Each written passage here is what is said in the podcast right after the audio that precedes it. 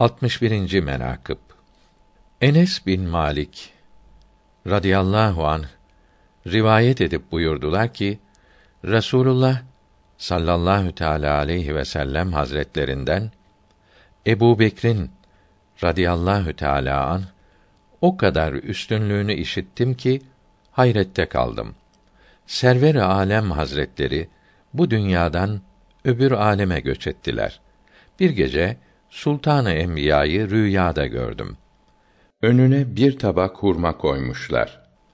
Ya Resulallah, Hak Sübhanehu ve Teala'nın sana verdiği o nesneden bana da ver dedim.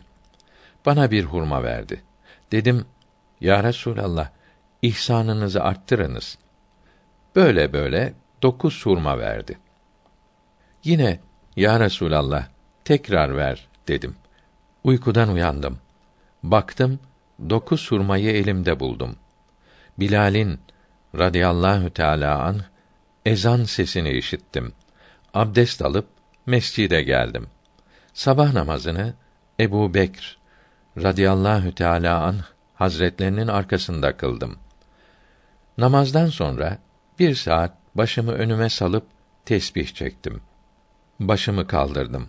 Hazreti Sıddık'ı gördüm mübarek arkasını mihraba vermiş.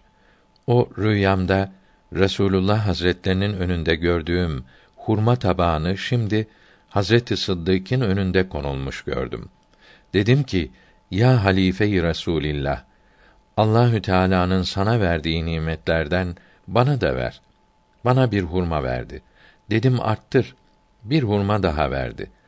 Dokuz hurmaya dek bana verdi. Ben dedim ya halife-i Resulillah arttır.